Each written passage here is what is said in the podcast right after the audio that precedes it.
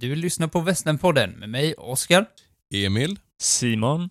Och Ulf.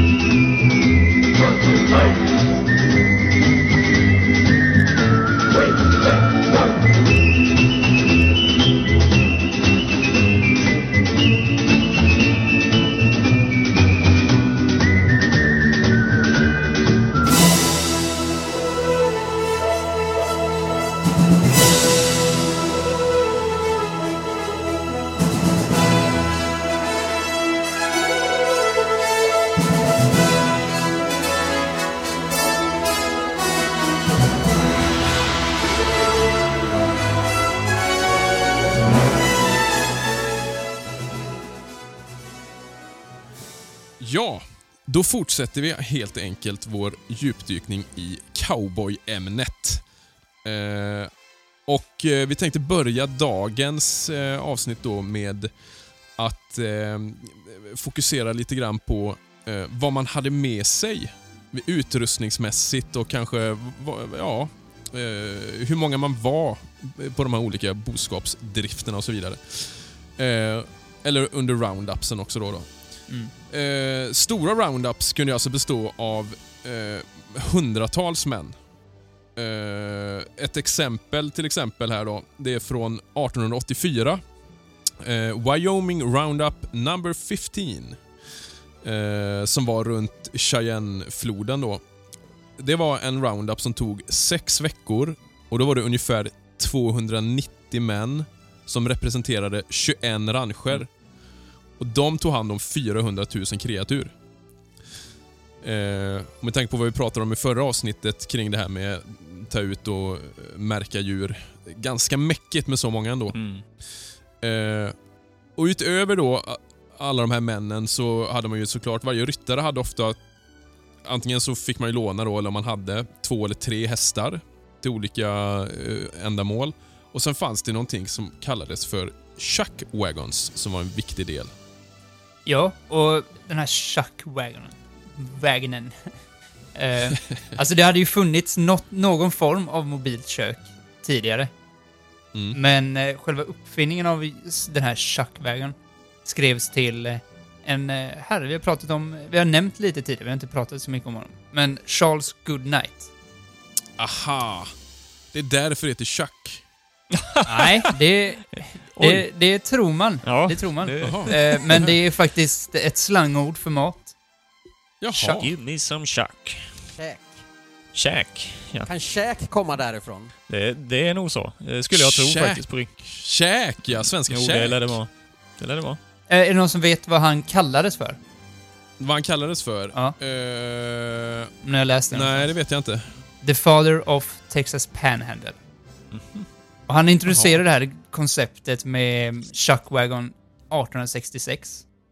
Mm. Eh, och som sagt, inget smeknamn då för Charles som många tror, utan det är slangord för mat.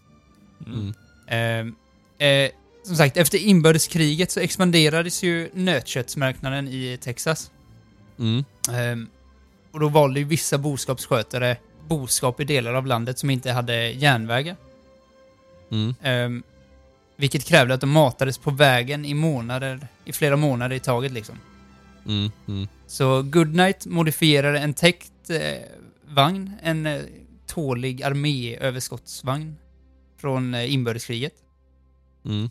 Eh, för att passa behoven till, eh, till alla cowboys som kör boskaps från Texas för att sälja till exempel i New Mexico eller ja, andra delar.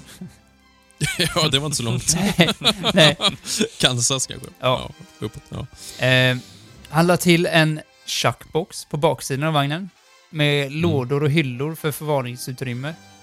Eh, och det, det har vi en bild på, men om vi kanske kan lägga till. Mm, Mm. Absolut. Vi fick en bild av Simon där. just Eh, det. Det är ju taget från, kan jag bara tillägga, det är ju taget från den här Wild West. Det är ju en väldigt pedagogisk skiss över en sån här Mm. vagn. Ja, jo, men det var det jag tänkte. Ha med. Mm. Ett gångjärnsförsett bord för att ge Mm. en plan arbetsyta. En, en vattentunna som också var fast, fast eh, på något sätt fast i Monterad, vagnen. liksom. Ja. Mm. Eh, och en duk som hängdes under för att bära med ved. Eh, Ja, vadå under själva vagnen? nej, men som, Som häng, ett- hängde från vagnen. Liksom. Ja, ja, okej. Eh, Mm.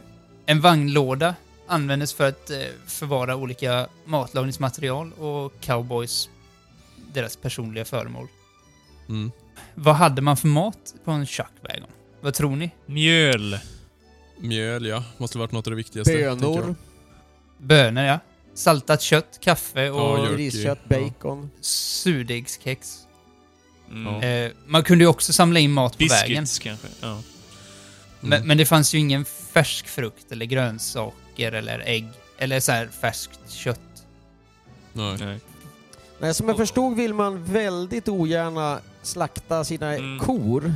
Ja. Eh, och det Ja. har ju också Det var- att göra med att det fanns ju inte ett sätt att äta upp hela kon om man inte Nej. liksom... Du hade ju Nej. bara väldigt kort tid på dig att liksom... Innan, ja, så länge det var färskt. Sen blev det dåligt Ja. köttet. Va? Men salt hade du va? I vagnen, sa du inte det? Ja, Jag tänkte jo. gå väl och nödsalta lite grann sådär, men... jo. Men Och- visst, det är ju mycket kött liksom. Ja, och visst, alltså de kunde ju äta färskt kött, men det var ju bara ifall ett djur skadades på vägen och var Mm. tvungen att Ja, avliva. precis. Mm. Just det. Då slängde man ju inte bara den åt sidan, utan man tog ju vara på det. Mm. Mm. Men köttet som de åt, det var ju som ni sa, bacon, saltfläsk. Det är ju typ samma sak. Eh, Mm. Nötkött, vanligtvis torkat, saltat eller rökt. Mm. Typ jerky. Alltså... Ja. Och Mm. på sådana här körningar då, så eh, det fanns väl lite olika, men eh, vad jag kunde hitta så var det vanligast att den som körde vagnen, han kallades för Cookie. Mm. Han var tvåa i auktoritet efter trailbossen. Ja, just det. Det har jag också hört någonting om. Ja. Hur undrar du det? För att han... Eh... Ja. Hur kom det sig då? Eh, för att han, eh, han fungerade som, som kock, frisör, tandläkare och i Mm. vissa fall bankman också. Han hade, ju, han hade ju hand om alla medicinska grejer och sånt också. Mm. Ehm, och det var ju så att Chuck, Chuck-vagnen, det är så konstigt att ta det på svenska men ja. Ehm, det var ju som cowboysens hem. När de var Mm. ute på trails liksom. Och Maten måste ju vara enormt viktig där. Mm. Ja, Men som jag förstod åt man egentligen bara två gånger per dag. En lunch och en middag ungefär. mm, det vet jag faktiskt inte men det Mm. kan nog stämma. Vadå, ingen frukost? Ja, alltså du, ja men det blev ju liksom, frukost var väl det första målet. Det var ju, så- och sen åt man ett mål till. Ja, ja just det. Mm. Kvällsmat liksom. Ja. Ja. Mer eller mindre. Men jag tänker, eh, en sån måste ju känna... Vad sa vi nu? Vi pratade om det igår Ulf. Mm. På, på en... Alltså en cowboy på, kunde vi tjäna typ 100 dollar va? Eller var det? På en... Ja, det där har jag faktiskt ganska exakta siffror på här som jag lyckades hitta här. Mm. Alltså om man tänker månadslön Mm. så var Ja. ju snittet för en cowboy ungefär 30 dollar. 25 till 30 dollar. Är det något speciellt årtal du utgår från nu eller? eller Ja, hela... under den här tiden alltså. Ja, ungefär. Det kanske inte förändras så jävla 65 mycket. eh, Ja, ja. framåt där. Så, Mm. eh, Och en förman då, som var liksom huvudansvarig, chefen för själva uppdraget då, han hade ungefär 100 dollar i timmen. Och kocken hade ungefär mittemellan där. Sa du? timmen? 100 dollar i Nej, eh, timmen? 100 i månaden. Förlåt, 100 dollar i Ja, månaden. Jävligt dåligt. Ja, ja, tack. Vi pratar om månadslön här. Ja, ja. Jag jobbade som konsult förut och pratade man timlön. Ja. Jag blandar ihop begreppen här. Nej, eh, så 30 dollar ungefär för en cowboy, 100 för en förman. Han kunde ha mer också förmannen om han var riktigt Mm. duktig och var ett stort pådrag med mycket arbete som var viktigt då. va. Förmannen var oftast läs och skrivkunnig och kunde hantera liksom, jag förstod också ekonomin och sådär. Kocken någonstans mittemellan cowboy och förman beroende på Mm. hur omtyckt det och bra och liksom viktig han var Just helt enkelt då. Mm. Just det. Och så kanske en 60 60-70 dollar någonstans i Ja. månaden då. Ja. Men det var, Ah. var det individuell lönesättning? Kunde, ja men du är jävligt duktig. Jo, Eh, men det fanns faktiskt lite mm. det. Jag tror att är du cowboy mm. så, så fick du den här månadslönen. Kanske att någon, eh, så att säga, lite äldre old hand då fick lite mer Mm. då. Mm. Eh, men det fanns faktiskt också ett litet yrke där som inte var riktigt cowboy, det var hästvaktare. Ja, okej. De drev med sig en massa hästar. En cowboy behövde ungefär fyra hästar på en dag. Mm. För hästen kunde bara klara en fyra, fem timmars ritt va, innan den liksom tappade... Den blev exhausted som man... Eller vad, he, vad heter det på Red Dead-språk? När den blir... U- Utmattad? Eller vad? Ja, Eh, Slut på stamina. slut på stamina, ja precis. den tappar stamina. Nej men den blir utmattad helt enkelt. Så du behövde byta hästar tre, fyra, tre, fyra gånger då. Så att eh, en fyra hästar ungefär hade varje cowboy. Så Mm. de behövde föra med sig en liten jord med hästar också. Var det 10 cowboys på en ritt så behövde du ha dels 40 hästar till cowboysarna. Sen behövde du kanske ha med ytterligare reservhästar och ibland så Mm. sålde de även hästar. Mm. Och eh, det, de kunde ju ha med sig en, om det var liksom 10 cowboys kunde ju ha med sig en 80 hästar på en sån här ritt. Eller på sån här dri- eh, drift. Ja, och för olika pack, packningar och sånt. Men för du sa ju då Oskar att de, hade, de förvarade viss packning i Chuckwagonen också va? Ja. du? Eller? Ja, Mm. och sen ofta så slängde de ju på sin bedroll. Alltså, om det var... Det, ja. det är kanske inte om det är en sån här jättestor... Eh, Karavan. nej, precis. Men Men då då slängde hade du flera på... Chuckwagons? Eller? Jag tror det. Det, det tror jag det var va? Inte, inte helt säker. För det måste ju vara, jag tänker om det är, om det är liksom, vad sa vi, 290 pers? Ja. Då måste det ju Ja, vara det ett antal fler, ja. Chuckwagons med, känns det som. Mm. Mm. Och han, han som... Eh, kocken på den här vagnen. Mm. Han står ju både för måltider, reparation av kläder och utrustning. Mm. Eh, viss typ av underhållning. Vänta, vilken typ? Ja, det, det, jag vet inte, de har någon stång. De har någon stång längst upp på tjock... Nej. så. Eh, eh, men med medicinsk hjälp och moraliskt stöd. Ja, han var alltid allo Mm. och så. Ja. Mm. Han tog väl ut den här stången du pratar om, han tog ju ut... Eh, den pole dancing, kommer det därifrån? Nej. Eh, nej men att, att den, den här stången var ju faktiskt eh, viktig på flera olika sätt. Eh, men men att, att de också, han, han tog ut riktningen för hela karavanen. De hade ju en förman som åkte före. Vänta, pratar du om en riktig stång nu? Ja, Ja, men jag den här dragstången bara. om man säger så, som du har. Jaha, ja. Eh, Jaha, ja, hästarna. Oskar skojar du bara. att, att, som jag läste någonstans var att is, innan de gick och la sig så, la, så tog liksom eh, kocken då ut, eller förman, jag vet inte, men i alla fall den här dragstången, Mm. eh, la dem i riktning mot Polstjärnan. Så att på morgonen, Ja, när de det, inte såg just det. stjärnorna, då skulle de kunna veta Vilken, vilken riktning, riktning ja. de, de, de var i. Då Mm. Just det, det läste jag också ja. Ja, precis. Eh, en helt annan grej nu som jag kommer att tänka på, som jag inte vet om någon har läst någonting om, är bestraffning. Jag menar om de gör någon, någon förbrytelse, någon, någon stjäl i Chuckwagon till exempel. Vad händer då? Är det prygel? Smisk? Men de hade ju något sånt här som de kallar för kä- kängurudomstolar. Mhm.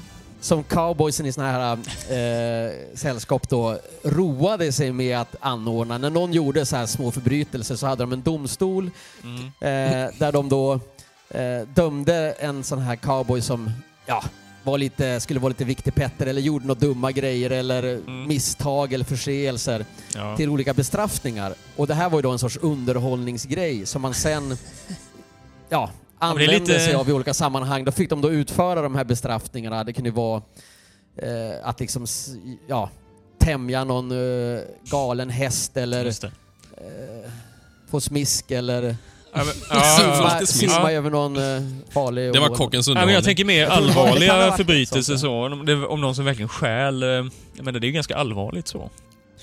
Vad händer då? Det ser man ju på filmer. Okej, då binder man fast dem vid vagnen och ger dem 10 piskrapp. Ja, de ger han väl till kocken. Nej, det vet jag. Har inte läst just om Nej, det. jag har inte, jag har men inte just det där den, att Nämligen, men...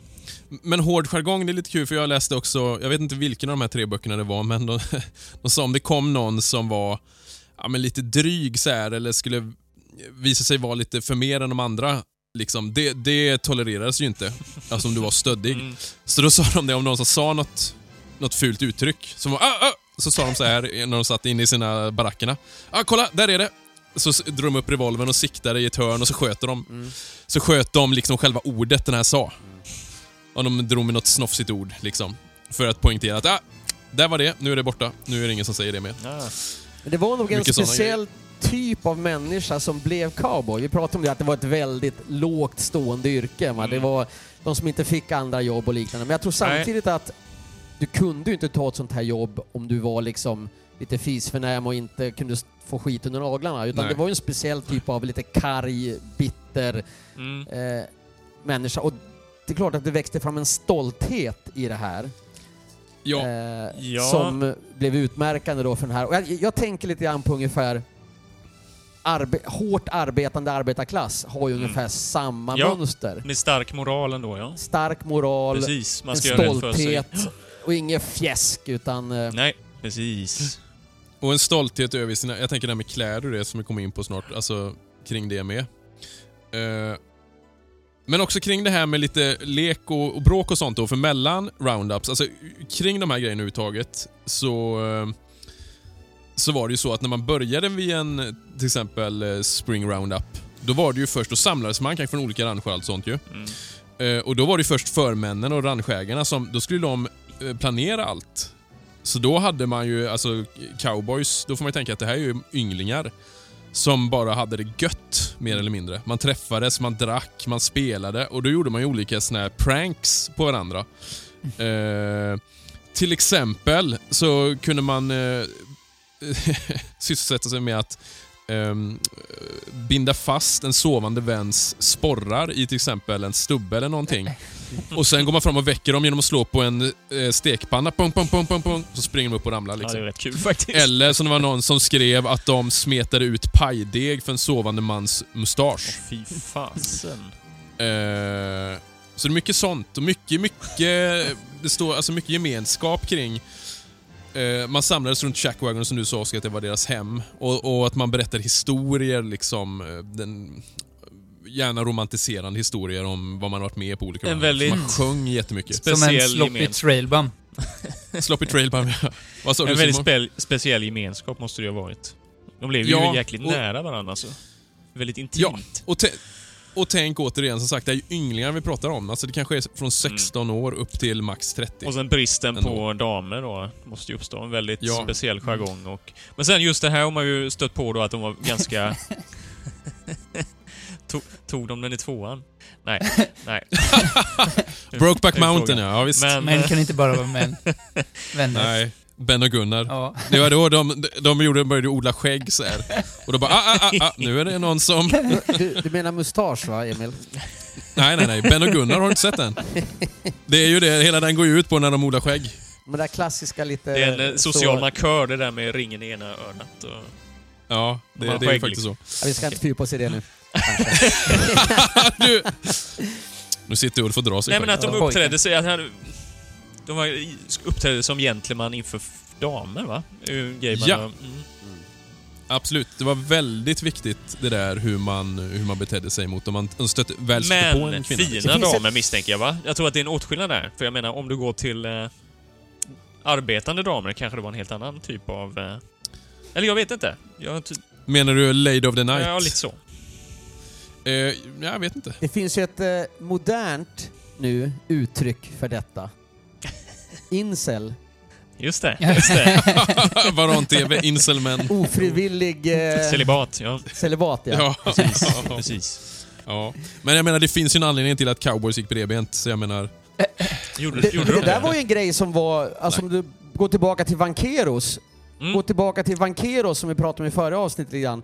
Det fanns ju tidigt de här som var väldigt stolta på hästryggen och som knappt så att säga klev av hästen. Mm. Eh, det Nej. fanns ju förstås även under den här cowboyeran. Men, men eh, när de klev av då så fick de väldigt vaggande gång. för att de var helt enkelt ovana att, att gå helt enkelt. Säger Ja. någon skröna. Ja. Ja, det låter ju inte helt orimligt. Jag tänkte John Wayne, han, han har ju lite den här... sådär. ja. Fast det är frågan, har han Jag vet inte om det? han lagt till det eller Han är inte bredbent, Nej, han går ju så går här. Det är nog det med. Ja, axlarna däremot. upp och ner va. Han är som en tickande klocka. Ja. Jo, jag kan säga det om Chuckwagons förresten då. För det var ju, tydligen var det ju jättestor prestige i maten. Mm. Ja, just det. Eh, så man hade, ju, man hade ju liksom att man ville ju att ens ranch då hade den bästa maten, så kockarna tävlade ju ofta mot varandra. Mm. Vem som kunde göra den godaste maten. Så jag vet, jag läste någonstans att det var liksom pissig mat, men det är ju, verkar vara bullshit. De flesta verkar vittna om att det var riktigt bra mat liksom. Och Ja. hade man en bra kock då. Och det där är ju eh, någonting som har fortsatt... Eh, det här med Chuckwagon har ju fortsatt nu, alltså fram till nu. Precis, det var exakt det finns jag det ju- tänkte på. Ja, Sådana här Chuckwagon race. det, ja. Och- Och nu är det tävlingar i riktigt... mat. Ja, precis. Och nu är det ju riktigt eh, på avancerad nivå ändå. Ja. Vi köpte ju en sån kokbok om en just en som har varit en sån Chuckwagon eh, kock helt enkelt. Och det är ju jättefina recept där. Alltså, jättefin mat.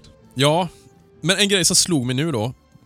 i, I och med att namnet Chuck kommer från mat då, Mm. kan det vara så att smeknamnet Chuck kommer från Charles Goodnight snarare då?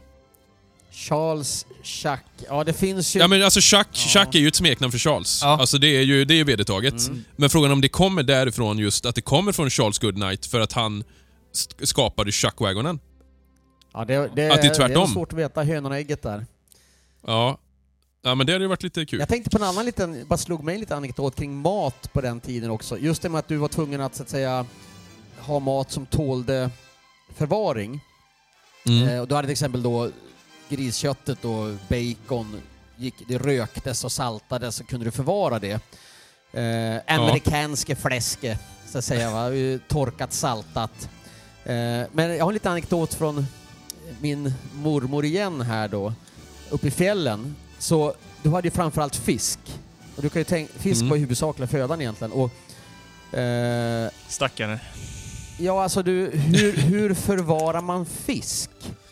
Visst, du kunde Saltar torka fisk. också? Salta och torka, det var ju ett sätt du absolut kunde göra. Fermentera. hade- fermentera dem. Du hade dem i tunnor. Det blev en Mm. naturlig fermentering. Om du har en silltunna Ja. som du sluter tätt och har ett svalt utrymme så, så håller den bra där, men när du kommer ner mot bottensatsen där va, Mm. sista fjärdedelen eller något sånt där, då har det gått en tid och då har den alltså, den är helt syretät längst i botten. Den har inte, fått, den har inte utvecklat så att säga farliga bakterier och liknande, utan den har blivit, fått en naturlig jäsning. Eh, och det är ju det vi idag egentligen kallar surströmming. Mm. På den tiden... Vibrunnesill. Vibrunnesillen kallar, kallar min mormor det för då. Då åt man vibrunnesillen och det var egentligen så här att all mat skulle ju tas om hand om. Mm. Mm. Och när du kom hit ner till bottensatsen så var man ju tvungen att äta det här och då gjorde man ju en fest kring det. Mm. Och därför lever ju det kvar, surströmmingsfesten egentligen. Och eh, så att viss mat som vi idag tycker är så här, om man verkligen skärskådar den, varför äter man det här? Egentligen bacon, varför är det så populärt idag? Men det, det är ju en tradition från att Mm. Förvara Inte mat, för att något. inte slösa Ja. bort det egentligen. Va? Jag tror man, man hade nog aldrig kommit på den här fermenteringen och lagringen av vissa delikatesser, som Nej, idag är nej. delikatesser, om det inte hade varit för att det var en nödvändighet. Praktisk, ja precis. Mm. Nej, Så är det nästan absolut. alltid. Ja. Mm. Mm.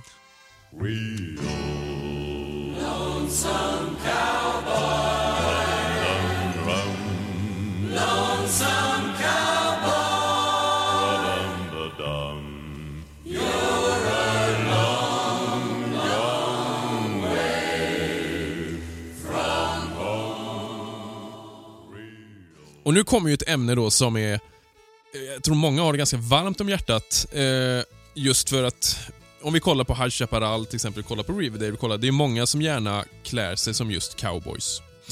Eh, och det är ju ett stort och svårt ämne. Eh, vi har ju många gånger fått ta hjälp av eh, våra kära vänner, till exempel Morgan och Andreas och Joakim och Björn och de här. ehm, som vi har nämnt tidigare. Eh, och Det man inser här nu, nu har jag återigen fokuserat framförallt på I See By Outfit, eh, Mm.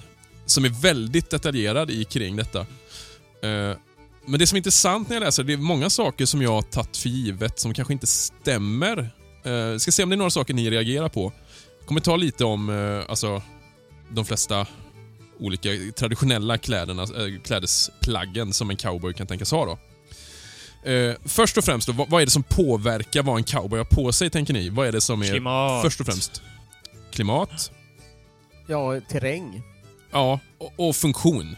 Mm. Alltså vad ska man göra? Ja, jo, V- funktion. Vad är Ja, ändamålet absolut. till? Och det- Och det är ju kanske det absolut viktigaste. Eh, och, eh, och det gäller ju liksom... Eh, det som var då, det som styr också var ju, vad hade du för tillgänglighet? Alltså, fanns det kläder att köpa? Mm. Många hade ju såklart inte råd med det. Återigen, det är ynglingar som kanske inte hade något annat jobb. De skulle ut på en sån här för att kanske samla pengar till familjen. Mm. Eh, för mammorna kanske sydde, eller systrarna gjorde kläder åt dem. Eller, För det var inte eh, så att, jag tänkte de här större rancherna då, det var inte att de tillgodosåg eh, utrustning till viss del när det gäller kläder och så. Kanske... Jo, till exempel eh, Slickers och sånt, kanske. Man fast det tyder inte på det. För jag menar, jag, jag tänker på det återigen då, när du är ute i, i fält så att säga. Och du Mm. sliter hårt på sockor eller vad det nu kan vara. Fixar du det själv? Eller har du någon... Är det han allt i allon där då? Är det Chucken som... eh, Sa du inte det Oskar? Eller vad sa du? Inte Jo. kanske just skräddare eller? Eller han fixar sånt med? Han kunde Ja. reparationer utav som gör det kläder och utrustning. Ja. Men det var ju säkert väldigt olika. Jag tänker om vi kollar nu. eh, om- du var lite händig liksom. eh, Och kunde, jag tänker som Lorvi till exempel. Mm. Vår, vår vän Per-Fredrik Lorvi då. Ja. Han fixar ju det mesta när det gäller sånt där. Alltså, är du lite händig och kan, då, då fixar man ju det Mm. man behöver göra. Så så var det väl också såklart, beroende på vad det Jag tänker var. det borde kanske finnas, eh, låt säga lite ylletyg. Jag menar, är det en ranchägare Ja, med stora resurser så borde det kanske finnas mer där i vagnen någonstans. ja säkert, säkert de, de större grejer, liksom. Ja. Ja. Men, men det beror nog också på hur... Av det jag läst där som sagt, då verkar det som att du mycket fick finna dig i det du hade med dig, eller fick köpa... I många fall verkar det som att du börjar en... Om, om du är en ung cowboy, Mm. då har du det du hade till hands Ja. liksom. Sen kanske du har gjort några roundups och så vidare och boskap, boskapsdrifter och då har du fått kontanter till att köpa dig Jo, grejer. det är klart. Men jag, jag tänkte, jag ska läsa ett citat här. Det här är en kille som nämns ofta då i den här boken. Han heter Edward C. Teddy Blue Abbott. Han var en cowboy från Nebraska som var med på flera turer då från Texas och norrut. Både 71, 79 och 83 och bland annat sådär då. Och han sa så här, 1939 sa han detta. Eh, nästan alla på de här boskapsdrifterna var från södern och de var vilda och vårdslösa hela bunten. Eh, De bar bredbrättade bäverfiltshattar, Oftast var de svarta eller bruna, med låga kullar, stiliga skjortor, högklackade boots och ibland väst. Deras kläder och sadlar var allihop hemgjorda. Nästan alla bar armérockar med ok. Mhm. Eh, och så var det på slickers och sånt också Mm. då. Men hur, eh, hur gammal var den här vittnesskildringen sa du? Han sa det 1939, Jaha, det... Okej, ja, ja, ja. men det är ju från 70-talet då, eller förmodligen, Oj, som det är han eh, långt syftar senare, men visst. Minnen Ja, kan ju på. Den är ju lite senare. blandas. Och, ja, ja, visst. Mm. Jag antar att det Eh, an- men, men det användes en del armé, gamla armékläder. Absolut, det är väldigt, väldigt mycket sånt. Eh, att man hade... Man köpte billiga militärkläder från soldater eller överskottsbolag. Eh, för soldater generellt sett, speciellt efter kriget, om, speciellt om vi tar söderifrån då, de var ju fattiga, de hade ju ingenting liksom. Nej. Eh, så man behövde ju sälja, de sålde ofta sina skjort- skjortor eller byxor eller jackor. eller Men sådär, du, va. de här Dusters som vi... Du gjorde ju ett avsnitt om det lite grann. De här Ja, äldsta Dusters, de här med stora oken där, var inte det med? Eller? Jag minns V- inte det nu v- längre alltså. Menar du, alltså såna ljusa ja, dusters? precis.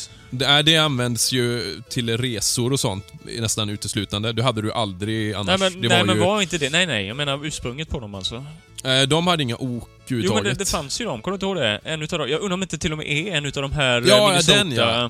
Ja, ja Jesse just James det. Raiden. incidenten. En finns ju Ja. bevarad där. Den har ju sånt Mm. jätteok. Men det, ja, det- och det kommer från vissa militärjackor verkar det som. Bara Modellen i Eh, sig liksom, också. inte själva det ljusa tyget Ja. och... Nej, precis. Och jag, jag läste som att eh, du hade arméjackor, sen kanske du sydde på ett ok om du hade någon funktion av det liksom. Eh, Vad var egentligen fördelen med oket inte. där? Förutom kanske lite värme nej, jag och... vet inte om det ska vara värme, Ja. men... Det Eh, är väl det enda jag kan komma på. ja. Också lite skydd då kanske till viss del, men... eh, Ja. Men, men som, som sagt, de flesta, många tidiga här nu då ju, tidiga koföserna, eh, om vi tänker norrut också, de kom ju söderifrån i och med att som Ulf var inne på förut, det är ju nere i Texas det, Ja, det, det startar. ja. Så därifrån, det styr ju vilka kläder som kom också så småningom. Eh, och om vi tänker då runt 70-talet i början där, då började man kunna köpa, de som hade pengar, kunna köpa kläder via postorder. Mm. Och då är det en katalog som heter Montgomery Ward. Mm. Eh, och det var ju en av de första staterna. Jag har hittat några sådana, jag har ju länkat i eh, någon grupp på Facebook Alltså, där. sa du hur gammal den var där? 70-tal eller? Eh, Början på 70-talet. Jag har ju hittat en full katalog från 75 Mm. till exempel. Häftigt. Ja. Eh, Som jag förstått var Och- de här postorderkatalogerna en otroligt populär lektyr. Ja, ja, absolut. Precis. Det hade man ju som sagt, de, det nämner de i boken där, att de, eh, man läste dem från perm till perm och sen satte man till och med upp på väggarna i de här Mm. stugorna man hade för att... Pinuppor. Häftigt. Ja, det var lite så. Mm. Eh, och om vi tänker då allmänt kring kläder, så kommer jag gå in på bit för bit så får ni fylla i där. Mm. Under 60-talet så var ju kläderna mest löst sittande. Mm. Det var väldigt sällan det var formsytt på den tiden. Bortsett från eh, kanske midjan på byxorna. För att man... eh, Mångt och mycket så måste byxorna sitta utan bälte eller hängsen. Man hade nästan aldrig hängsen eh, som cowboy. Det är lite intressant. Eh, det är många som skriver det i alla fall. Sen kan man se på Men, bilder men, och sådär, men det var snackar du väldigt 60-tal sällan. nu eller snackar du generellt Ja, sett över hela Nej, perioden? hängsen verkar generellt sett varit väldigt ovanligt. Har inte det lite Eh. med att du sitter på hästryggen här tiden också? Jo, jo Mm. att det, det liksom hämmade. Ja, det. det. var, det var ingen eh, höjdare, så det var väldigt, väldigt sällan man som cowboy hade det. Eh, och först under 80-talet då, det är då kläderna börjar sitta lite tajtare och bli lite mer eh, formsydda. Och sen blir de ju det i början på 1900-talet. Så här då. Eh, som sagt, funktionaliteten var ju det mest huvudsakliga. Och främst vad det gällde byxor, jacka och väst. Då. Eh, så det är egentligen inte förrän 20-talet inom just cowboyyrket som man börjar bli riktigt modemedveten.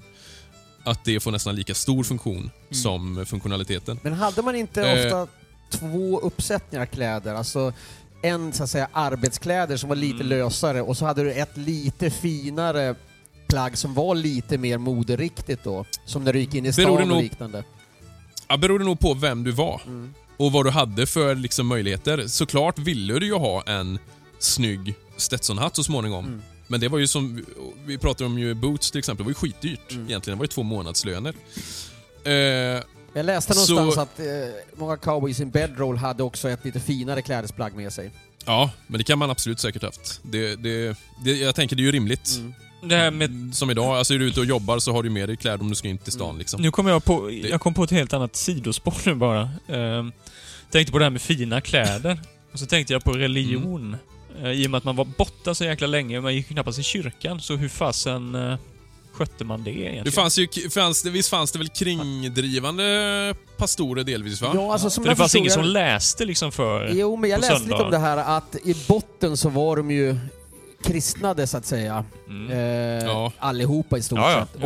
Och många kunde ha lite sådär på skoj kanske mer extra knäcka som pastorer i sina, Ja, i så. sina cowboygrupper. Alltså Ja. många läste från bibel och Hålla lite predikan. Håller Ja, lite men, men de hade predikningar det på söndagar liksom. Nej, jag menar det. Nej. I och med att de var så... Ja, det låter ju rimligt. Jag tänker... Extremt religiösa. väl Också, så att, eh, ja, jag Mm. menar det. Eh, ja, det här är en intressant grej dock. Eh, för så här står det... nu har vi fått höra mycket annat, eh, men under 60-70-talet så tillverkades ofta kläder av svart eller mörkt färgat ylle. Mm.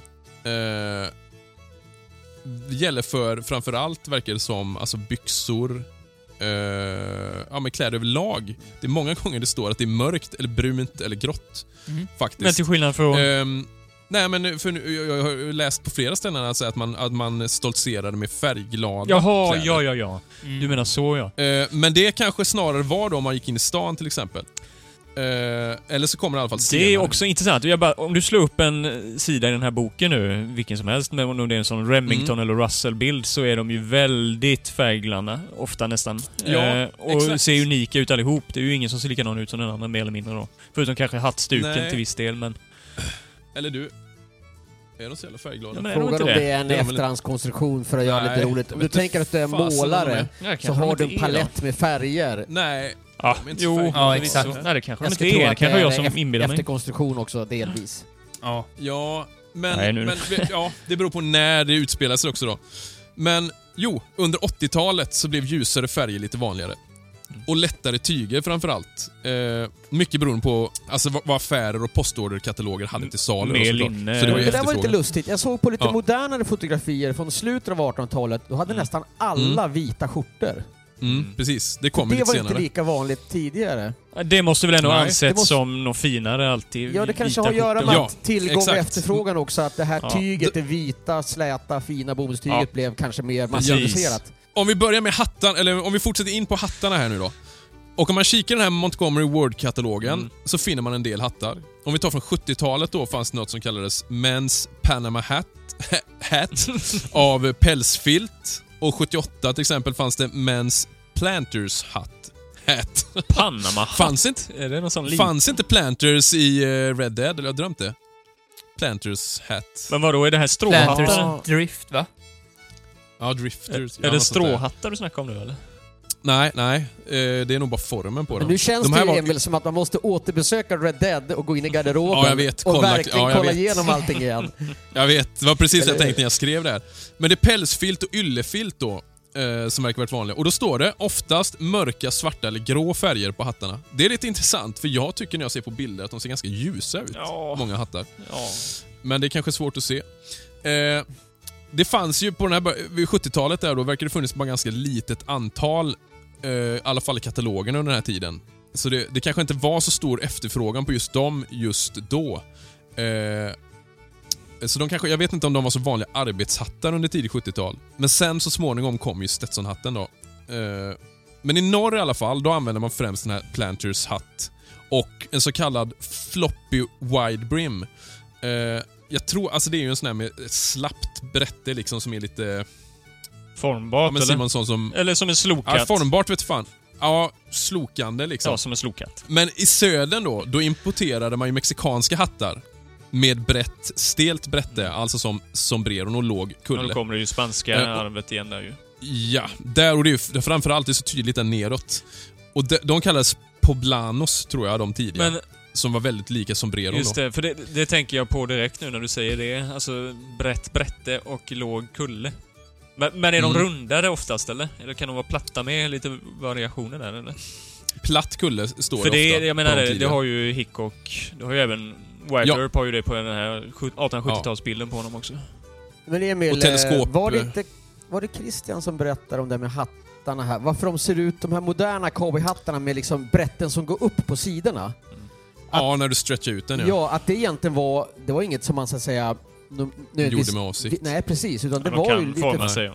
De blev så, om de var Ja, lite om du behövde sträcka ut den flopp, liksom. Du i behövde huvudet. sträcka ut dem, men i normalfall så Ja. var det egentligen en rak hatt. Platt. Platt, ja. ja. och det är på många bilder man ser så är det ju ett platt brätte. Mm. Det är ibland man ser den här uppvikna, Ja. men ofta är det ju, ganska många bilder är det ju ett platt brätte. För original Eh. Boss of the Plains är ju helt rak liksom. Ja, och den, det är ju den som kommer sen ju, och den fick ju ett enormt genomslag i västern. Mm. Det var i mitten på 60-talet va, som den började tillverkas tror jag. Ja, det är ju Eh. strax efter, om det är precis efter kriget eller? Ja, jag det tror det. är, ja, sent 60-tal Så i-. Så innan det hade man ju kanske också hattar som man hade från kriget till exempel. Då fanns det ju såna slokhattar som sagt. Och den här bas, eh, bas, eh, Boss of the Plains baserades ju i stort sett på sombreron. Mm. Men lite mindre brätte Mm. då. Och det var ju för att klara vinden norröver. Men ändå större bett än vad de det var innan ju. Det var ju ändå märkbart ja, skillnad ja, där. De, ja, de är ju mycket, mycket mindre alltså. ja, absolut.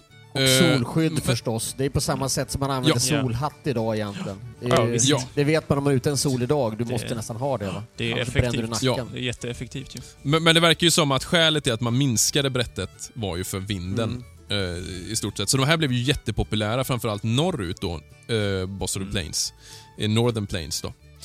Eh, och kullen på den och brättet formades ju sen av bäraren efter tycke eller smak.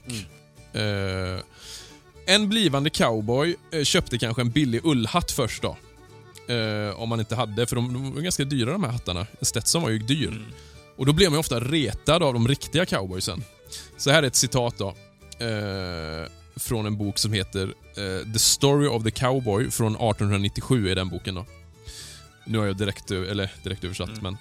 Eh, han, cowboyn, den här unge då, han plågade sig och kände sig bedrövad över att på ranchen hånas för att han bar en ullhatt. Och han blir ännu mer missnöjd med sin huvudbonad när han upptäcker att det första kraftiga regnet får brättet att sloka och hatten förlorar all sin form.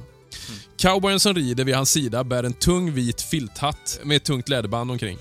Som han kanske köpte fem år tidigare till en kostnad av 15 eller 20 dollar. Men han hänvisar med stolthet till att det är en genuin Stetson. Uh, and a sure good one. Eh, så man blev ju kanske lite mobbad då om man hade en yllehatt eh, jämfört med en Du Stetson. sa ju att den var dyr. Vet du hur mycket den kostade? Det har vi kanske nämnt en gång innan. Ja, som sagt 20 20 dollar, dollar sa du? ungefär då. Ja, 20 dollar. Ja. Det är väldigt mycket Ja, det är ju nästan en man månadslön. Ja, det är en månadslön. Ja, det är mycket. Ja. Men även Stetson-hattarna kunde ju förlora sin styvhet då efter ett par år. Eh, och då fäste, nu kommer en intressant grej då. Då fäste vissa cowboys en läderremsa längs, längs brättets kant så, för att göra det mer stabilt. Så att för att få brättet att hålla sig uppe. Och sen ytterligare en grej då.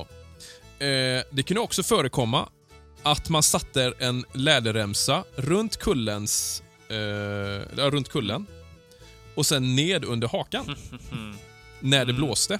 Och det har vi ju hört ibland att man diskuterat mycket Ja.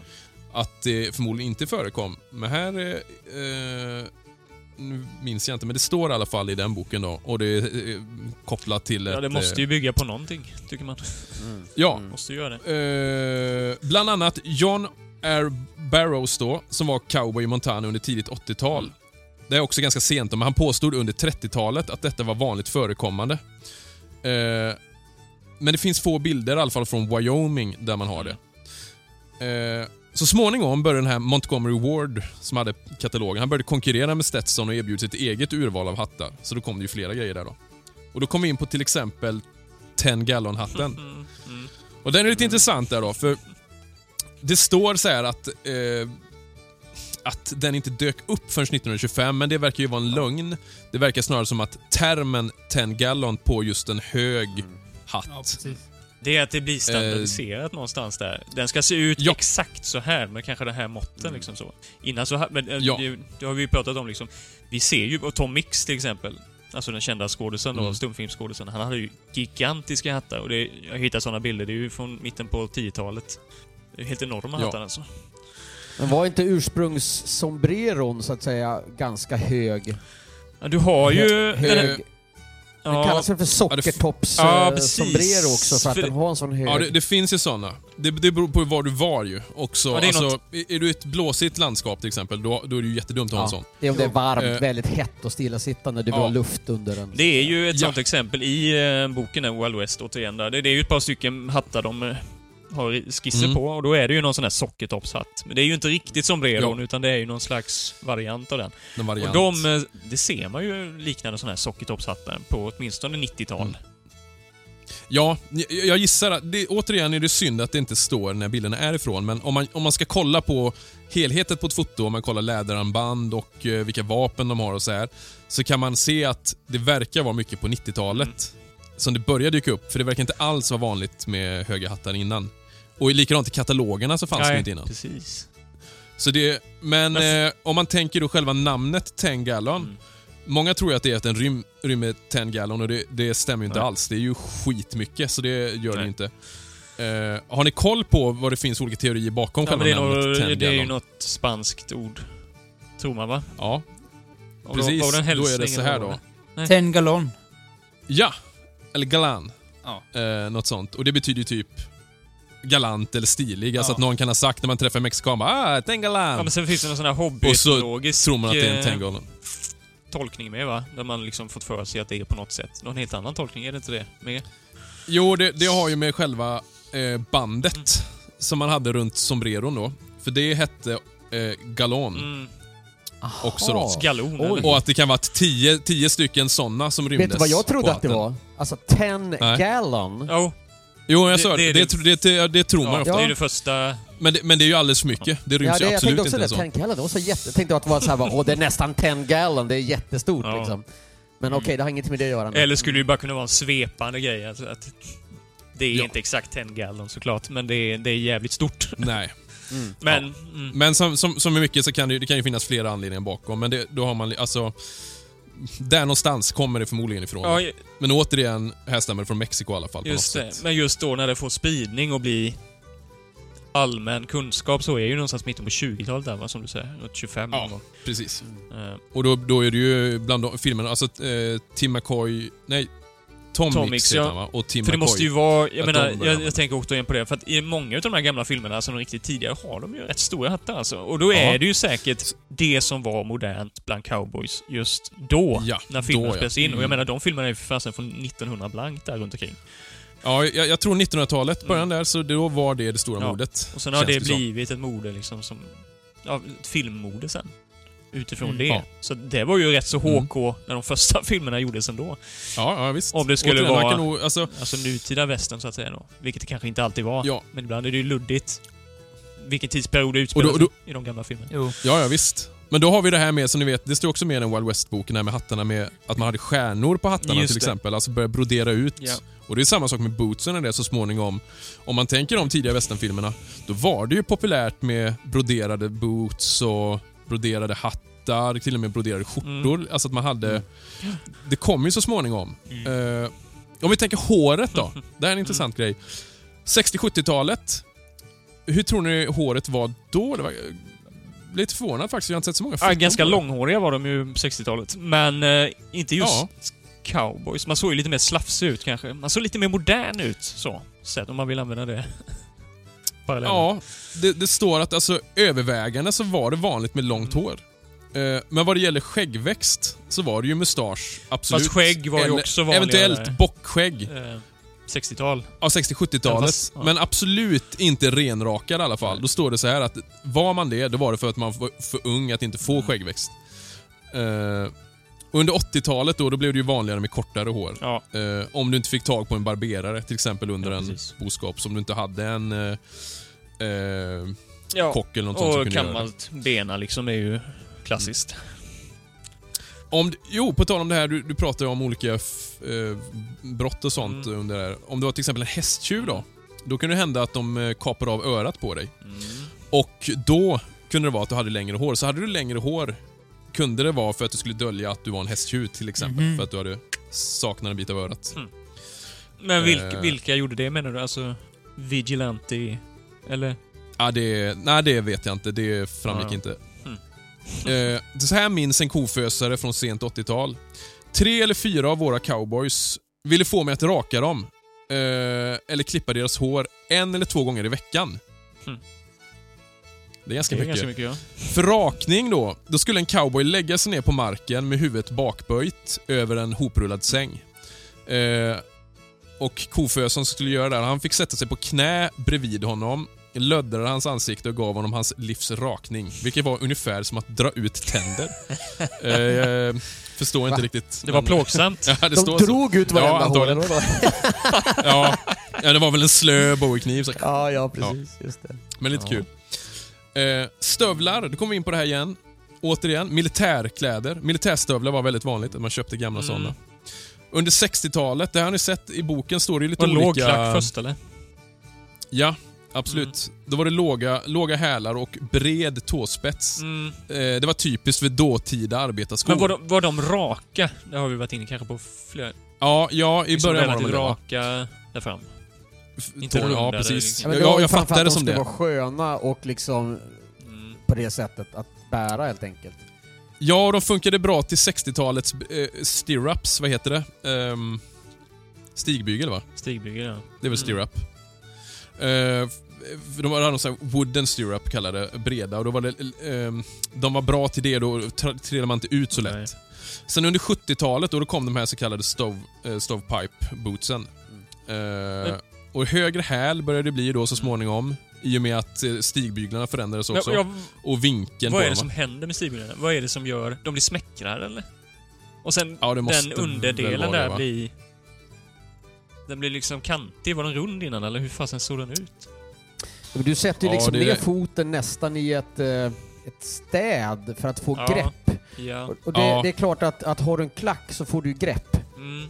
Men, Och men sitter var du fast inte... lite grann. Det är nästan som om du cyklar och har ett sånt där klick va. Du, Ja, du, du vill ju sitta fast med den här Ja, på ett sätt. precis. Ja. Och då, det var väl därför också skon blev spetsigare, för att du skulle kunna komma in, In och ut ja, ur den här ja, lättare. ja, precis. Jag får Det var visst de en väldigt vanlig dödsorsak att du fastnade i stigbygeln och släpades Ja. och dog efter hästen. Ja, jag läste att det var det vanligaste. Mm. Cowboyens dödligaste dödsorsak. Att det var den vanligaste. Det var Ja. det här jag... Jag hade det i tankarna innan, men sen glömde jag av att ta upp det. Men eh, just det här med olycksfall och ja, ond bråd död, eller, eller dödsolyckor Ja. inom... eh, Men det känns det kanske var helt ovanligt, eller? Vi kan ta, ska vi bara läsa ett litet, en litet del ur cowboyboken här? Mm. Jag ska läsa en kort från en eh, redogörelse. Eh, boskapsdrivaren George Duffield drev ju 66 då en jord av långhornade boskap från Texas till Iowa och skrev i sin dagbok om detta. Eh, det här är olika delar ur det där då. Välte vår vagn i floden och förlorade massa av vårt husgeråd. Satt i ösregnet på hästen hela natten. Blev av med min kniv. En i laget drunknade idag, Mr Carr. Och det var många som undkom med nöd och näppe och ibland dem jag.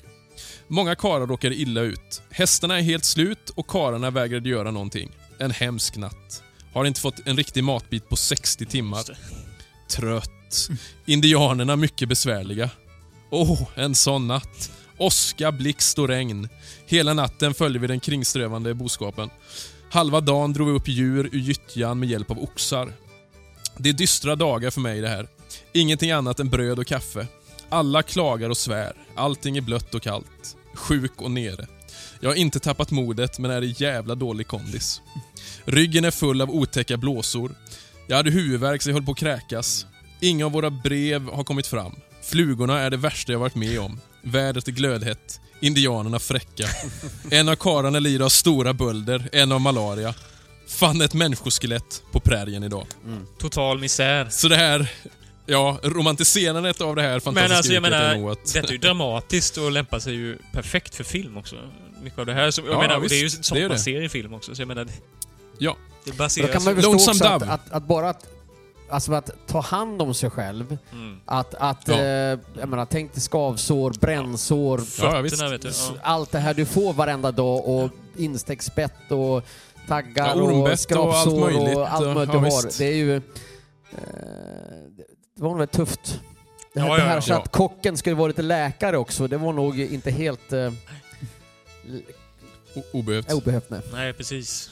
Fältskär, Ehm, am- amputationer och ja, allt. ja. Jag menar det. jag tänker, ja men Lonesome Dove tänker jag överlag. Den, där är det ju... De här små grejerna. Jag tänker han som ramlar i och blir biten av... Vattenmockasinerna. eh, Ja, precis. Såna här grejer. Och Jake när han får den här stickan i Ja, handen. just det. Såna här grejer som leder Ja, ja. till... Kallbrand Jag läste, och... det var någon läkare som skulle då, ja, provisorisk läkare som skulle se ihop ett stort jack som en person hade fått i ett ben. Mm.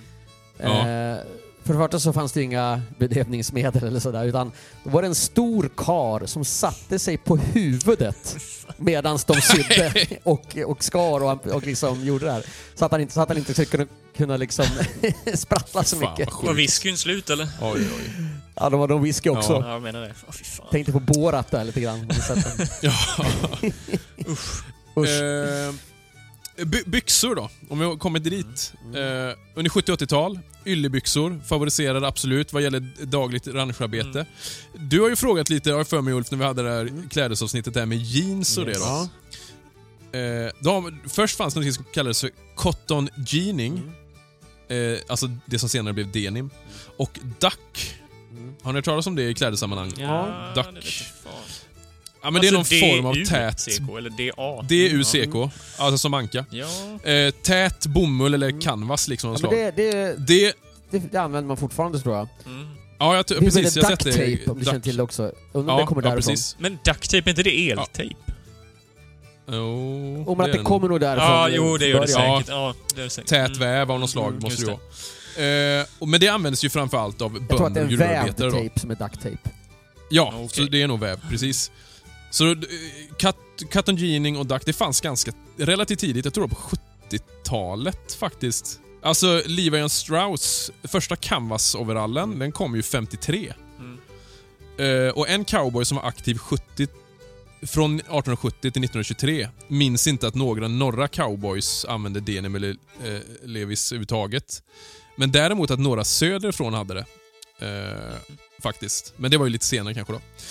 Eh, så det var vanligare, om, om det skulle ha sådana kläder, var ju bönder och gruvarbetare som var nere på marken och jobbade mer eller mindre då. För att det var ju så slitdåligt. Eh, så närmare sekelskiftet blir det vanligare hos cowboys. Eh, här är ett citat från eh, en Philip Rollins, jag kommer inte ihåg om jag nämnt han tidigare, men eh, Denimoverallen låg under ryttarnas värdighet och lämpade sig bättre åt bönder eller stadsfolk och de underordnade arbetarna på rancherna.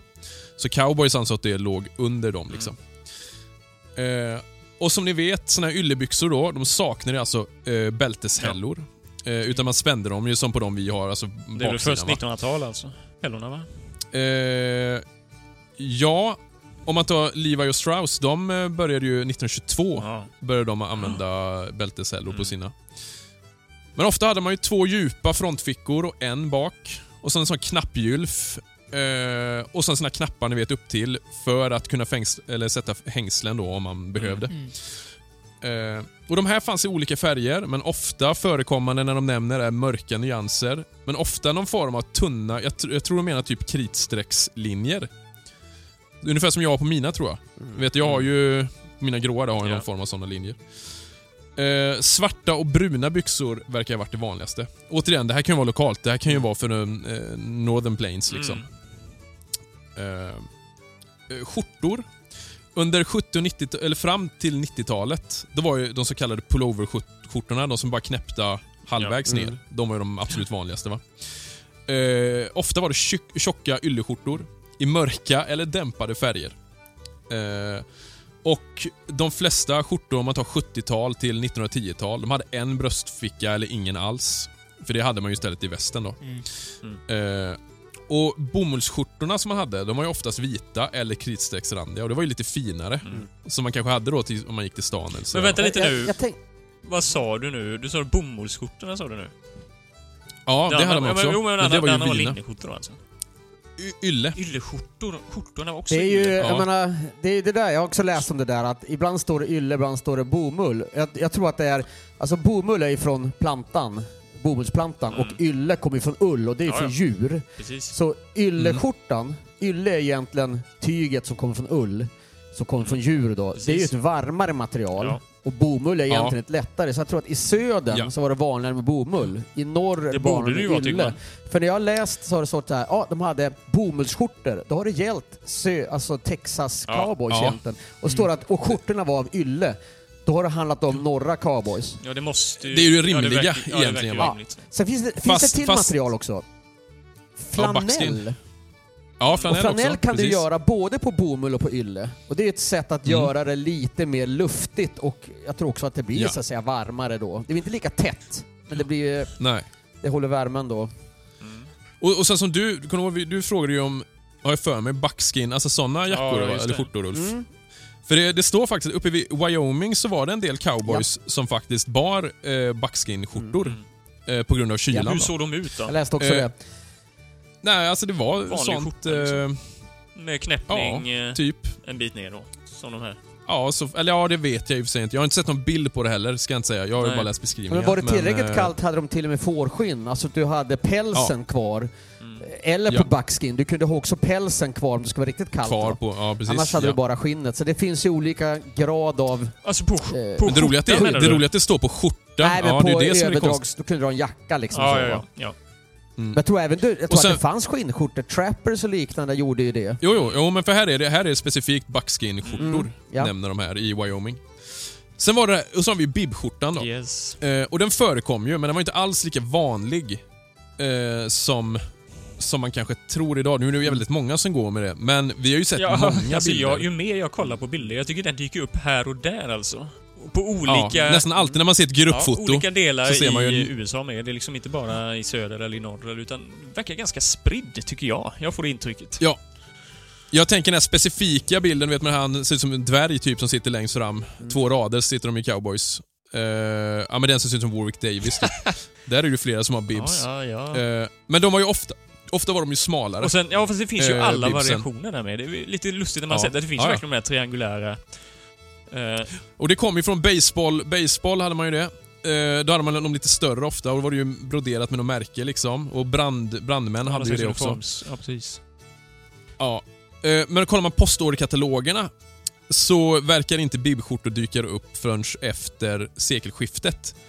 Så då kanske det var mer... Det kanske också är mer praktiskt. Det kanske inte är så mycket mode Ja. i bibben. Eller? Nej. Och då är det ju om det är värme eller Ja, för för skydda mot det. damm. Det, det Men, eh, värmer ju faktiskt. Jag menar, en skjorta som är knäppt, det är, alltså, är Ja. det kallt, det blåser ju in. Ja, det märker man ju själv när man har använt Ja, ja, ja. nu. Alltså det, det, det, det, fyller ju en funktion. Absolut. Eh, och västar då. Det var ju yllefront oftast och bakdel av bomull. Eh, och de hade man ju för, alltså för värme eh, och för fickorna. Mm. Eh, man hade munspel, tobak, anteckningsblock för att skriva upp en boskap eller verktyg och så här då. Och de hade man ofta lite, gärna lite större storleken. Eh, för hade de för tight, då, då, isoler, då blev de ju inte värmeisolerande på samma sätt. Eh, så du behövde ha lite luft. Det är Ja, likadant är med så du skjortorna. ska ha. Du ska De skulle gärna vara- ja. ska ju sluta tätt liksom. Ja. Det är det som är nyckeln till framåt. Så vi, både Ulf och Simon ni pratade ju om det när ni provade era bibskjortor ju. Mm. Ni tyckte de var för stora, men det är ju precis så de ska vara då. Då fyller de ju den funktionen de ska. Och så kan man ta som min väst, det är ju alldeles för liten. Jag tror att det Den där är grejen med mycket av de här kläderna. Det handlar ju mycket om att, att hantera värme och kyla. Mm. Jag menar, det blev Ja. ju otroligt varmt också. Och då ville du Ja. inte ha varma grejer va? Så menar, då tog du av dig Nej. västen till exempel. Ja. Eh, Och du kan ju knäppa upp bibben om du vill det liksom. Det är ju ganska... Men Ja. något som man absolut aldrig tog av sig verkar som, det var ju hatten i alla fall. Den hade man alltid på sig. Nej, precis. Den, den var alltid. Jackor då, om vi bara tar lite kort. Då hade du alltså sackcoats. Ofta svartgrå eller blå eller brun. Mm. Alltså mörker. Och ofta var det ju en del av en kostym som man hade köpt liksom. Eh, men man kunde också ha pullovertröjor. Kanske ännu hellre, för de eh, hindrade ju inte rörelsefriheten alls liksom. Mm. Och en del av dem kunde påminna typ om en polotröja. Stickade Det känns tröjor inte då, sådär- liksom. Eller? Ja, precis. Och det var... Ylle då eller. Ja, exakt. Ja.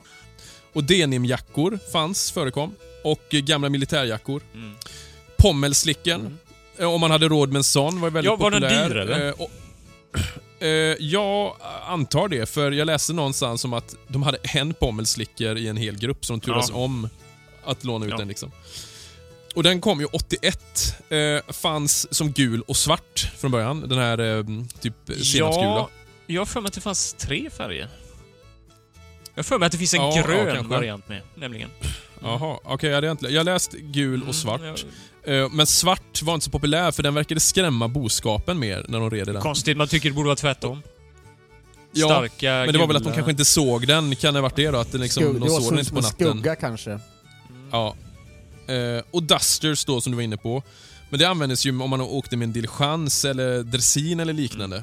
Så till motsats till- som man kanske ser på High Chaparral, många tar ju en sån för att det är lite ballt, men jag menar, du hade ju absolut inte en sån för värme eller att skydda mot regn. För det var ju bara för att skydda mot... Ja, skydda kläderna helt Mm. enkelt. Mot damm liksom. Eller sand. Men det har ju också... Något annat Ja. då? Jag tänkte på en sak när Ja. du eh, vi pratade om de här boskapsdrifter och sådär, när de drev jordar. De som var sist i en sån här boskapsdrift, de fick ju verkligen vara i dammet. Dels hade du, och Ja. då därifrån bandanasen kom, att du drog upp den Ja. för, för, för att skydda liksom... Du kunde ju ha bandanan för flera olika ändamål, men ett var ju att om du åkte där bak så var du i Mm. Och det är kanske där Konstant, också man använde pommelslicken lite grann för att skydda sig då, för det var ju otroligt dammigt när du åkte längst bak. Ja, dusten menar du? Ja, dusten menar jag, förlåt. Mm. Ja, det kan man, det kan, det kan man möjligt. Där kanske man hade det. Mm. Om, om, ni tänker, om vi går in på bandanan där. Vad, vad hade man med bandanan till, tänker ni? Håller fast hatten var ju Ja, en... det. Absolut. Ja, men, binda eh, runt hatten så? Och sen att det skyddar ju solskydd delvis på halsen, det täckte ju Ja. Så skydda mot solen och skydda mot kyla. det. Ja. Ja, det blir som en halsduk. Skydda ja. mot regn. Mm. Du kan ha det som compress om du blivit biten Ja. eller Ja, skadad. just det. Bandage liksom. Eh, ta, ta en något varmt, Mm. som du ska ta en, en panna eller någonting Mm. liksom. Mm. Eh, ofta var det ju eh, två huvudsakliga material, vad tror ni? Bomull, Bomull. såklart. Ehm, Och- Silke. Silke, Ja. precis. Och antingen enfärgade eller mönstrade. Det fanns ju många... Och, och kollar man på foton här med, det finns ju hur många olika sätt att knyta Ja. på. Mm. Det, det, det här var det ju det helt fanns tryck och väl ingen regel här, där kanske, misstänker jag. Nej, nej. Så det kan du ju göra precis Men, som du vill. eh, Liksom. Vad var vanligast då? Bomull eller siden? Eller skiljer det också sig geografiskt?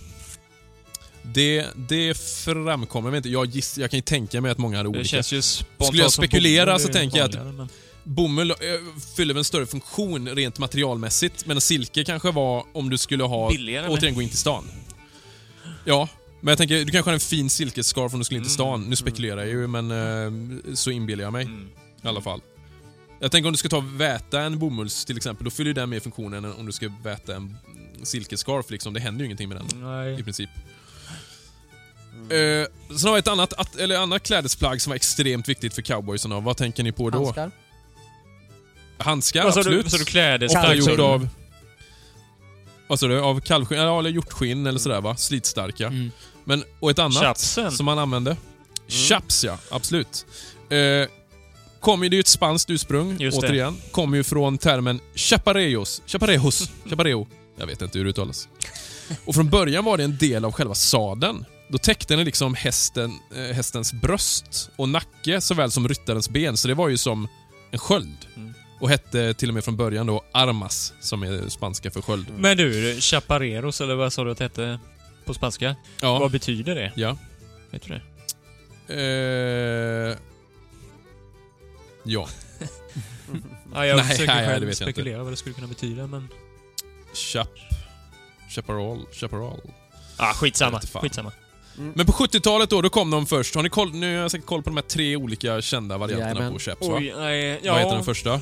Ja, shotguns, Ja, Batwing. precis. Som man, Batwing. Batwing, ja. Och sen, och Woolies. sista, Just Woolies, ja. Eller eh, Angora. Mm. Eller vad sånt där kallas de väl mer. Eh, och shotguns var ju de första då, som man bara, då klev du i ungefär, de skulle ju likna shotgun-pipor mer eller mindre. Eh, Då är du tvungen och att det ta av dig skorna. ja, det står faktiskt att man inte behövde göra Nej. det i den här eh, eh, I see by outfit. Okej. Då skrev de, nu minns jag inte vad, men att de vrider dem Mhm. på något sätt och sen kan de bara kliva ut Det är ju dem. intressant nu om det står tvärtom i Wild West, antar jag då. Eller Ulf, vad du har Mm. läst det. Nej men det står så, precis Och då det är undrar man ju- det står så. Vad har de fått respektive uppgift ifrån?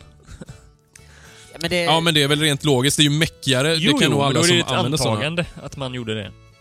Det bygger inte på Ja, att... menar, det är väl samma sak som Tar du på dig ett par träningsoverallsbyxor, ibland så skiter du i att ta av dig skorna och du trycker Ja, ja. ner dem. Jo, Men Ja.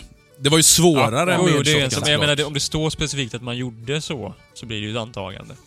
Beroende på hur att man inte behövde sig. alla gånger, men Ja, jag antar att det normala är Alltså, att du för visst- skorna. Och, för Batwings va, de knäpper du väl? är det inte så? det knäpper inte runt. Ja, och de andra spänne, knyter va, du eller, menar, det, eller det, knäpper? Ja, du knappar alltså. Det är inte spänne liksom... Ja, det förekommer olika varianter, Ja. både knyt och spännesvarianter. Mm, ja, okej. Ja. Mm. Men, eh, och sen har du ju då... eh, Jag tror, det var- faktiskt, jag tror det var sent 80-tal som Batwingsen introducerades, så det är ganska, ganska sent ju. ändå. Jag undrar vad de här flärparna som sticker ut, så att säga, själva vingarna egentligen har för syfte. Ja, just det. Mm, det läste jag någonting om, nu ska vi se.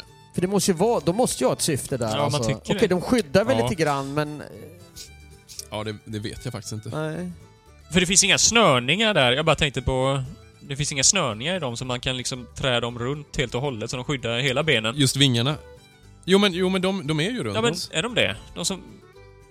De De är som runt he- hela benet. Jaha, de är det. Du har en baksida också som du knäpper runt Ja, de baksidan. är det. Fy fan, de Förmodligen är för... baksidan väldigt tunn, Tror jag. tunt skinn kanske då, Ja, ja, ja. och framsidan Ja, är då- ett tjockt skinn. Mm. Okej. Ja, för jag, vi ska se... Det är väl det att du kanske hade läderlappsvingarna där, eh, Batwings, när du var i ett riktigt snårigt...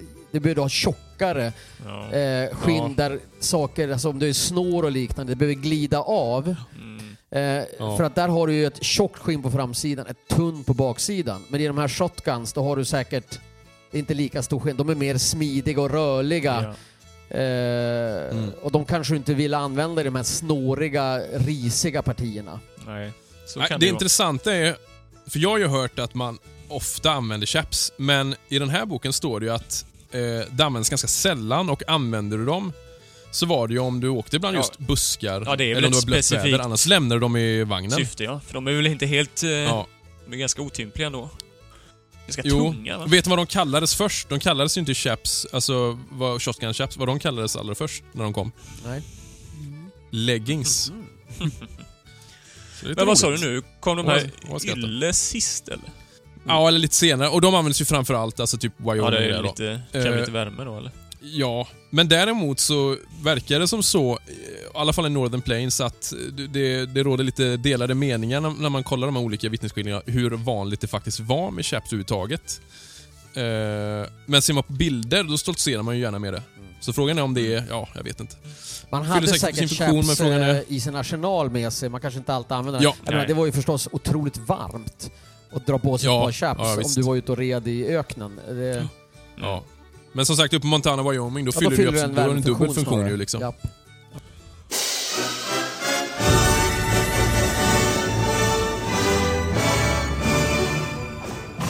Det är lugnt och tyst här ikväll. Just vad det ska vara det, Jake Logan. Ta ditt gäng och stick va. Jag vill inte ha något bråk här ikväll. Jag, jag tänkte på en sak med, när vi pratade om skorna här. Eh, jag läste att, vet ni hur högt stövelskaftet behöver vara? 40 centimeter, nej var det Vänta nu, 40 Nej. centimeter. Eh, och det är ganska högt egentligen. Ja. Eh, jag gick direkt Mm. och mätte mina stövlar. Jag har ju två stycken Ja. såna här eh, Mm. Rid. pipe stove-varianter då. Ja. Men de var i alla fall 47 och 50. Ja, Jag tänkte shit, jag måste inte ha för korta här. Undrar vad ja våra är, Oskar? mina är garanterat över 40. Helt övertygad. Ja, de är garanterat över 40. Ja. De är nog våra över också. 50 Ja. mer tror jag. Känns ju jäkligt korta eller? Ja, jämförelsevis i alla fall. Ja, de är Skaftet lite kortare det. ja. Eh, om, om man ska ta nu från olika vittnesskildringar vad gäller vapen Mm. då, så nästan alla vittnesskildringar och dagböcker verkar ju hänvisa till Peacemakern som den stora favoriten. Eh, John Rollins sa så här 1903. Vi bar allihop vapen. Jag minns att vi alla sex bar nästan identiska revolvrar. Vi föredrog allihop Colts single action sexskjutare.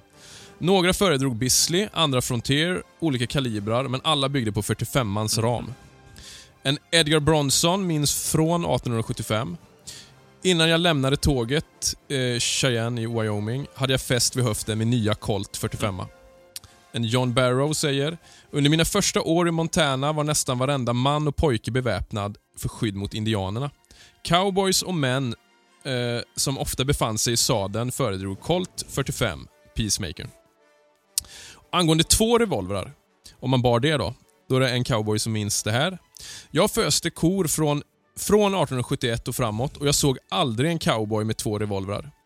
Wild Bill bar två och det gjorde andra stadsheriffer som Bat Masterson, men de var professionella revolvermän, inte kofösare.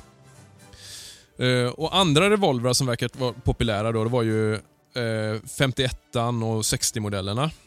Uh, eh, alltså Colts med och utan konversion. Eh, Colt Bisley återigen. Remington 1875. 58 konverterade. Winchester 73 eh, Henry 44 eh, Geväret bars ofta då i hölster i sadeln då, eller på chuckwagonen eller andra vagnar. Men alla, mer eller mindre, hade en uppsättning, ett gevär, en revolver. Verkar så ja. Men Emil, du sa någonting om Och kniv. det här med indianfaran. Vilket år var det här? Eh, det var ju när det var som mest under indian... 70-talet ehm, antagligen. Mitt Ja, för det 70 avtog 70-talet, väldigt precis. mycket under 70-talet. Eh, ja, jag kan efter, tänka mig på ja, precis. 80-talet så var indianfaran helt borta i stort sett. Ja. Och det här är också skrönor. Jag menar, mycket, indianerna var ju inte så fientliga. Det fanns några stammar Nej, som kunde vara eventuellt, de var ju det var väldigt Ja. sällan det var indianstrid. Det var ju egentligen 60, 60-talet, kanske 50-talet, när det var liksom att man började bryta indianmark. Så, ja. Ja, efter Black Hills Men- ju. men- alltså där, där blev Men det det här vittnesmålet du läste upp, det här misären, där var det ju indianproblem. Till exempel. Hur Ja. gammalt var det nu då? Jag minns inte. Var det 60-tal eller var det senare? Ja, ja, det är nog 60 så Ja. tidigt. Ja. Okej. Så som du säger därefter. Sen eh, som sagt så spreds ju säkert ordet, alltså att man höll kvar vid att indianerna, Jo, jo. Via muntliga, att man var rädd för det. Ja. Fast det kanske inte var ett egentligt Man problem. drev, apropå det här vi pratade förra avsnittet om boskapsdriften, man drev ju genom indianterritorium, det som nu är Oklahoma då, Mm, för att komma till Ja. Kansas. just. Och då, det vanligaste spåret kallas för Shawnee-spåret. Eh, Mm. Och det gick ju genom, jag antar att det var då Shawnee-stam, eller ja, så det indian, låter ju rimligt. Jo, indianstammar det där. Och att, att, att då, det spåret slutar man nästan använda under, ja, efter kriget i stort sett, eller efter, efter 65. Eh, och man gick andra vägar, men det var inte för i första hand för att, in, för att indianerna var en fara. Eh, men det minskade ju också att man stötte på indianer på, eh, på Ja, olika sätt. mm. Eh, så jag förstod så var det väldigt lite anledning att ha pistol eller vapen för att indianfaran var stor. Ja. I, kanske snarare för rustler, alltså Ja, boskapstjuvar och sånt, det. för det var ju en snarare del. det. Mm. För det förekommer väldigt mycket. See you soon. I, idi, Idiots. Hmm? It's for you.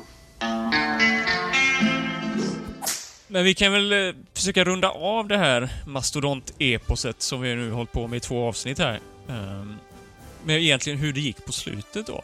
Och en väsentlig detalj i varför det, det upphörde mer eller mindre, den här livsstilen, är ju taggtråden. Det har ju mycket med det att göra i alla fall. Mm. Införandet av taggtråd. Taggtråd har ju funnits ganska länge, eller typer av taggtråd. Åtminstone behov, eller försök att stängsla med ståltråd.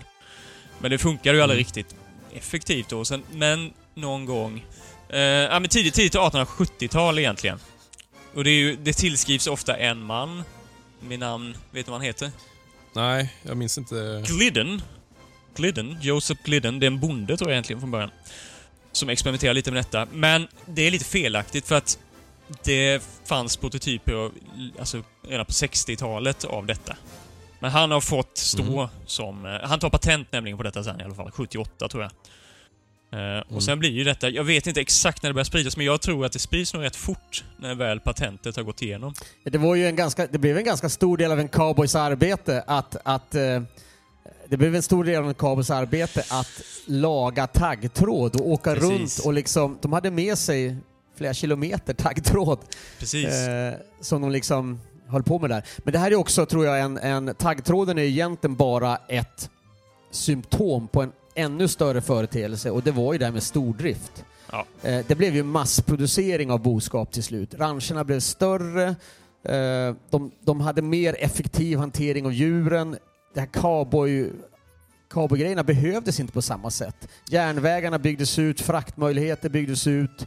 Eh, du behövde inte varken samla in eller driva boskap på samma sätt. Ju mer tiden gick och det blev ja, större rancher och mer effektiva rancher. Så att säga.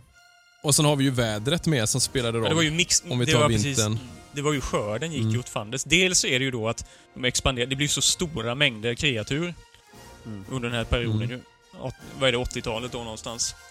Mm. Eh, och sen var det mistväxt, eh, dåliga väderförhållanden 80-talet där. Och sen skjuter de ju då paradoxalt, de skjuter ju ner, eh, vad heter de, bisonstammen rejält. De utrotar den ju Ja. nästan till viss del på grund av detta då va. Men å sin tur så äter ju boskapen upp allting utav det lilla som finns kvar mer eller mindre då. Det får ju förödande konsekvenser. Ja. Och det var ju alltså 86-87 extrem snöoväder och isstormar Mm. som decimerade eh, extremt Mm. stora boskapsjordar. Så många av de här boskapsimperierna Ja, gick ju i konkurs precis. dessutom. Mm. Speciellt de mindre. Så man kan säga runt där, ja men mitten på 80-talet, då dör den eh, stora cowboyeran ut så som den var i alla fall från 60-talet. Mm. Och förvandlades till något annat djur. Eh, mer kring kanske just det här rancharbete. Det vi kanske ser till exempel i, om vi tänker eh, Yellowstone, Mm. exempelvis. Precis. Men tittar du på, är det någon som varit inne i ett slakteri? Eller en, en stor, jag menar, eh, ett- ja, apropå slakterier, men jag menar, en, ett modernt boskapsuppfödande idag, bondgård och slakteri, det är ju liksom, eh, det är ju en industri. Mm. Och, Ja. re, och redan i, någonstans här, slutet på 80-talet, början på 90-talet, så blev ju det industrier kring det här. De flyttade sig närmare järnvägarna eh, och blev ju så industrialiserade det kan bli. Va? Cowboysens Mm. roll behövdes ju inte längre nästan. Nej. Ja, men det är intressant att se då den här resan som börjar någonstans kanske egentligen med att eh, spanjorerna kom över med hästar. Eh, introducerade av hästarna, för hade vi inte haft det så hade det inte blivit på samma sätt. va Och boskap. Så eh, Mm. egentligen kan man säga att det tar- sin start där och fortsätter än idag på något Ja, sätt. det är nog inte så många som känner till just bakgrundshistoriken där, tror inte jag. Det är ju väldigt intressant. Mm. Ja. Ja, har vi lärt oss någonting på Oj, det här? Mycket. Mycket. Ja. Jag, kan- jag tänker på en sak, bara som en liten Ja. anekdot här i slutet. Om man får ta det. Eh, när vi pratade om det här med att cow- cowboyyrket var egentligen ett otroligt tufft, ar- låg, lågt stående arbetarklassyrke egentligen. Eh, och det fanns, som jag förstod det, det var ju den typen av människor som sökte sig till yrket. Men det fanns ju också en annan typ av människa som sökte sig, kanske inte till yrket, men till testa på det här cowboylivet. Och det var ju alltså överklass. Ja, Eh, det var inte någon medelklass som höll på med cowboyyrket egentligen. Det var låg arbetarklass och så fanns det en klick överklass som tyckte det var häftigt Mm. att lära sig det här. precis. Och det här ser vi ju till exempel i filmen Titanic. Och undre Ja. däck, arbetarklassen, de roar sig och har kul. Överklassen sitter uppe, men de vill gärna gå ner och besöka Mm. och dansa lite grann, men sen gå tillbaka. Och då tänker jag, vad är vi här? Jag tror nämligen att det finns två typer fortfarande av de som håller på lite med det här. Dels är det de som verkligen är där ute och liksom lever det här yrket. Mm.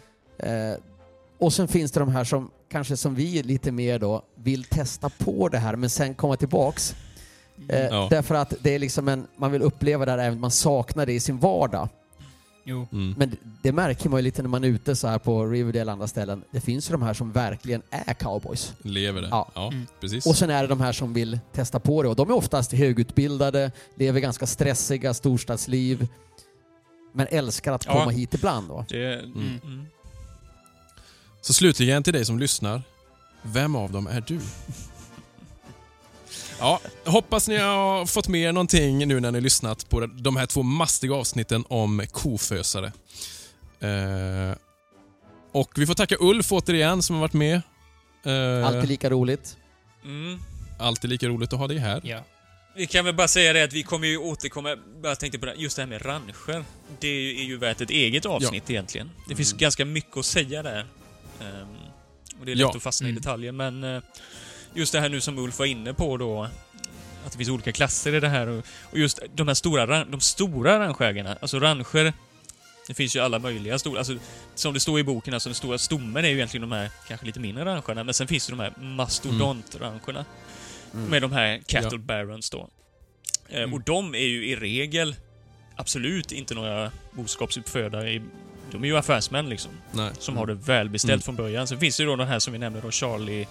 Vad heter han nu då? Goodnight. Han däremot var Goodnight. väl... eh, Han jobbade sig upp lite grann mer på det sättet. Han har ju ändå Mm. personlig erfarenhet av arbetet. Jag menar, det Ja, finns hur absolut. mycket som helst att säga. Det kommer ju bli ett avsnitt framöver. Tänker jag. Mm. Mm. Absolut. Mm. Mm. Och flera av de Ja, här. ja, det finns visst. hur mycket som helst egentligen. Det är ju det. Det tar aldrig slut. Det är det som är Ja. kul. Då, kära lyssnare, får ni ha det så bra och eh, eh, rid lugnt, håll i hatten, dra- don't drink and horse och... Yeehaw!